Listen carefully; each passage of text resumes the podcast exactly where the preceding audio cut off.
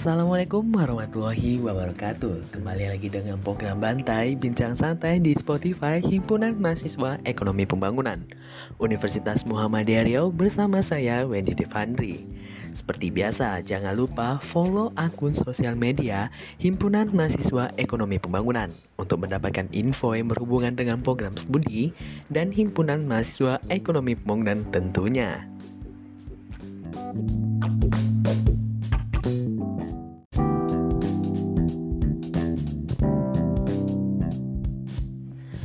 Pada hari ini, tanggal 18 Agustus 2021, saya mengisi podcast Bantai untuk edisi yang keempat ini dan saya ingin menyampaikan kabar gembira bahwasannya perlombaan gelora kemerdekaan dari Himpunan Mahasiswa Ekonomi Pembangunan pendaftarannya diperpanjang nih yang dari tanggal 13 Agustus 2021 hingga 30 Agustus 2021. Ye, jadi ada kesempatan nih buat teman-teman atau pendengar yang ingin ikut serta dalam perlombaan Gelora Kemerdekaan ini ya teman-teman. Langsung saja cek di bio Instagram kita ya di @himaep.umbri. Pada hari ini, saya akan mengulas yang tentunya masih berkaitan tentang kampus, yakni sistem pembelajaran jarak jauh atau disingkat dengan sistem PJJ atau bisa kita katakan pembelajaran secara daring. Di podcast episode keempat pada hari ini akan membahas keluh kesah pembelajaran online dan perbandingan pembelajaran secara offline dan online. Tapi sebelum itu, simaklah cuplikan musik yang diputar untuk hari ini.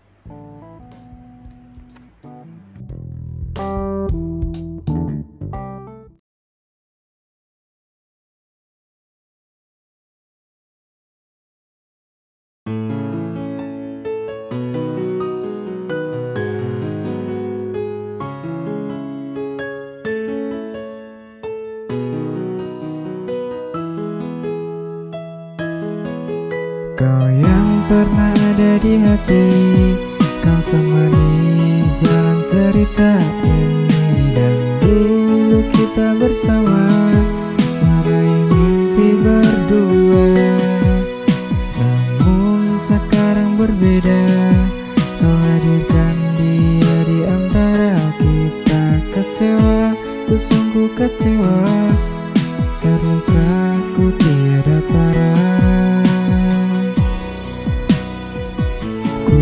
doakan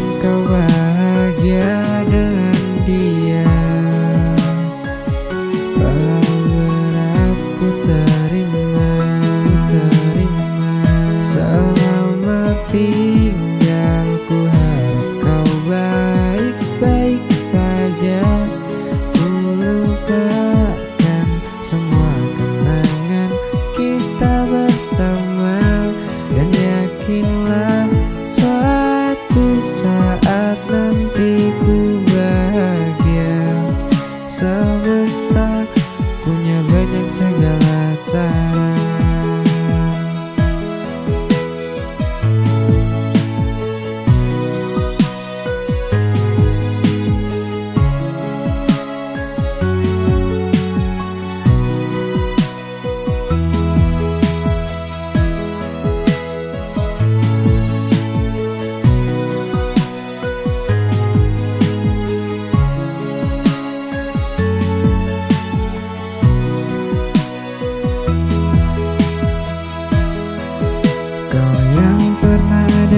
Tìm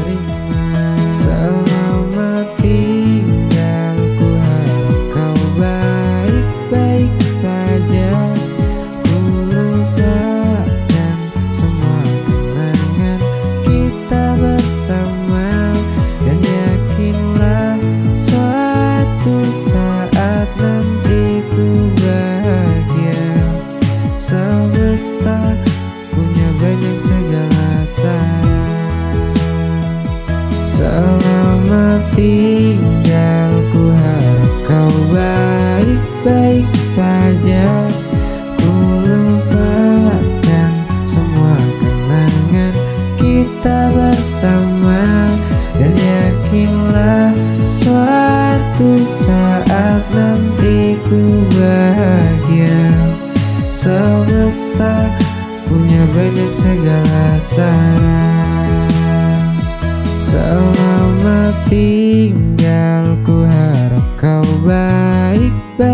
Saja Ku lupakan semua kenangan kita bersama. Dan yakinlah suatu saat nanti ku bahagia. Semesta punya banyak segala cara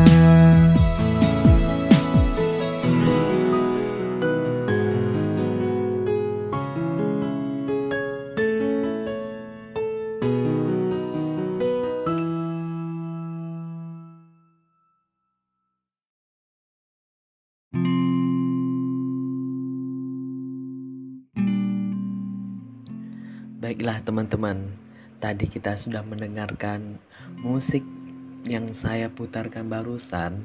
Lanjutnya, oke. Eh, sebagian orang yang lulusan tahun 2019 ke bawah yang belum terdampak pandemi virus COVID-19 ini, mereka sangat menikmati masa-masa sekolahnya. Apalagi masa-masa SMA-nya, masa-masa SMK-nya, apalagi mahasiswa yang masuk sebelum tahun ajaran 2020. Mereka pastinya menikmati masa-masa kampus, bercandaria dengan temannya, dan belajar bareng dengan temannya, apalagi nyontek ketika ujian. dan tentunya menikmati fasilitas kampus seperti akses internet menggunakan jaringan WiFi secara gratis salah satunya. Tetapi semenjak negara api menyerang, Cela udah kayak kartun Avatar The Legend of Aang. Maksudnya dari perkataan saya tadi adalah masuknya virus COVID-19 di Indonesia bertepatan pada tanggal 9 Maret 2020. Udah gak terasa ya, udah setahun lebih kita di rumah aja menikmati apa-apa online lah gitu ya kan. Terus tentunya menjadi momok tersendiri buat pelajar terkhususnya mahasiswa atau mahasiswi yang mengenyam pembelajaran di kampus. Dan yang program studinya ini atau jurusannya lebih ke praktek amsyong dah kalau begitu Nah, sebelum masuk ke pembahasan keluh kesah mahasiswa, sistem pembelajaran secara online ini saya akan bahas kelebihan sistem pembelajaran secara online terlebih dulu ya. Berdasarkan dari situs website www.wantiknas.co.id, kelebihan sistem pembelajaran secara online ini adalah yang pertama, dapat diakses dengan mudah. Yang kedua, biayanya lebih terjangkau. Yang ketiga, waktu belajarnya fleksibel. Yang keempat, wawasan yang luas. Adapun kekurangan dari sistem pembelajaran secara online ini adalah yang pertama, keterbatasan akses internet. Yang kedua, berkurangnya interaksi dengan pengajar. Yang ketiga, pemahaman terhadap materi. Yang keempat, minimnya pengawasan dalam belajar. Dari sekian kelebihan dan kekurangan dari sistem pembelajaran secara online tersebut, memang sedang saya rasakan untuk saat ini mungkin gak hanya saya aja sih, mungkin mahasiswa lain juga merasakan. Kenapa? Karena yang pertama, di Indonesia sendiri akses internetnya masih kurang, apalagi wilayahnya masih 3T, yakni terdepan, terluar, dan tertinggal. Dan menurut saya, kecepatan akses internetnya sendiri masih berada di titik angka downloadnya hanya 16,34 Mbps sedangkan uploadnya hanya 9,68 Mbps. Sedangkan di negara Singapura saja untuk downloadnya menyentuh angka 197,04 Mbps dan untuk uploadnya sendiri yaitu 201,76 Mbps. Wow banget gak sih? Saya sendiri berharap Indonesia bisa seperti Singapura untuk masalah kecepatan internetnya.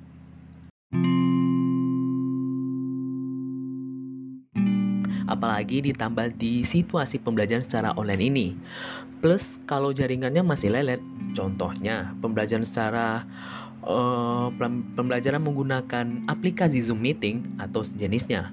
Ketika lagi pembelajaran bersama dosen, tiba-tiba dosennya mematung pas banget nih mematungnya kayak patung Liberty kayak gini seret gitu ya kan jadi mahasiswanya yang baru megang zoom ini heran ibunya nge-cosplay jadi patung Liberty pak ibu ya kan nggak gerak-gerak nggak ada gerak-gerakannya gitu dari dari tadi kan.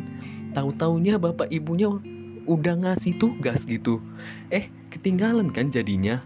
Belum lagi kalau jurusan kuliahnya itu praktek. Contohnya tuh kayak ilmu komunikasi eh kayak public speaking lah gitu ya kan.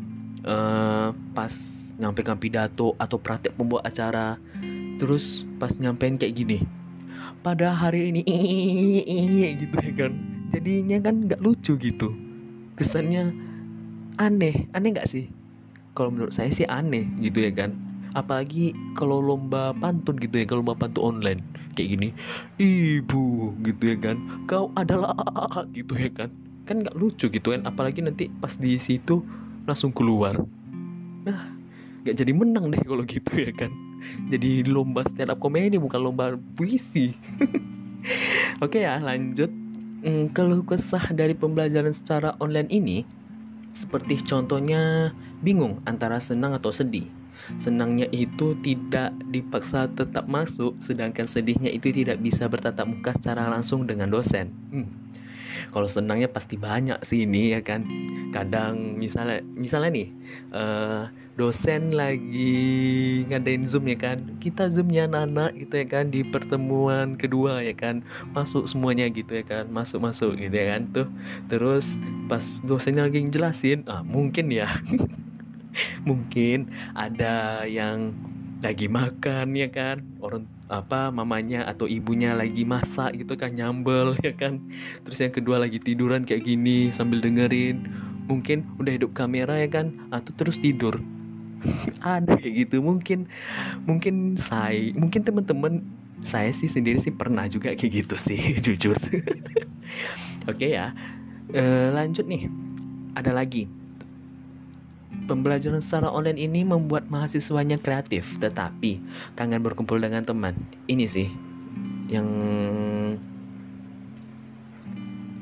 penting lagi. Apa namanya? Uh, kangen lagi tuh ya kan, apalagi mahasiswa baru. Belum jumpa dengan temennya, belum menikmati bangku kampusnya terutama gitu. Ada lagi nih, kuliah daring bikin susah bedain waktu kerja dan istirahat. Lanjut, banyaknya duka ketimbang sukanya. Apa-apa semuanya online, dimulai dari kuliah, magang sampai sidang skripsi, sidang skripsi. Apalagi psikis dan psikologi setiap orang kan berbeda-beda. Ada nih kasus pembunuhan diri karena sistem pembelajaran secara online. Banyak banget sih beritanya tertulis di website pemberitaan yang terkenal di Indonesia. Tinggal ketik aja sih di keywordnya itu kasus bunuh diri karena pembelajaran secara online tinggal bush keluar deh semuanya Terakhir sih, saya sendiri berharap satu hal, semoga pandemi ini berakhir dari tanah air. Terkhususnya tanah air tercinta kita, yaitu Indonesia, dan bisa beraktivitas seperti biasa, contohnya ngampus secara offline, dan bisa nongki-nongki dengan cantik di kafe. Cantik pula, cantik ya cantik, cantik di kafe tanpa harus menggunakan masker dan tidak dikejar-kejar lagi dengan mantan. Aduh, maksud maksud saya ini uh, aparat yang mengurus COVID-19 gitu.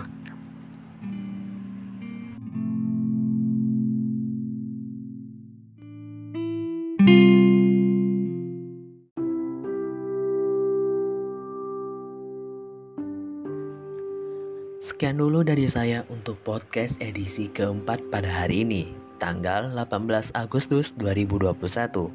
Saya Wendy Devandri, pamit mengundur diri dari ruang dengar teman-teman. Dan tentunya jangan lupa untuk ikutan perlombaan semangat gelora kemerdekaan dari Himpunan Mahasiswa Ekonomi Pembangunan ya teman-teman. Sampai jumpa. Wassalamualaikum warahmatullahi wabarakatuh. Dadah.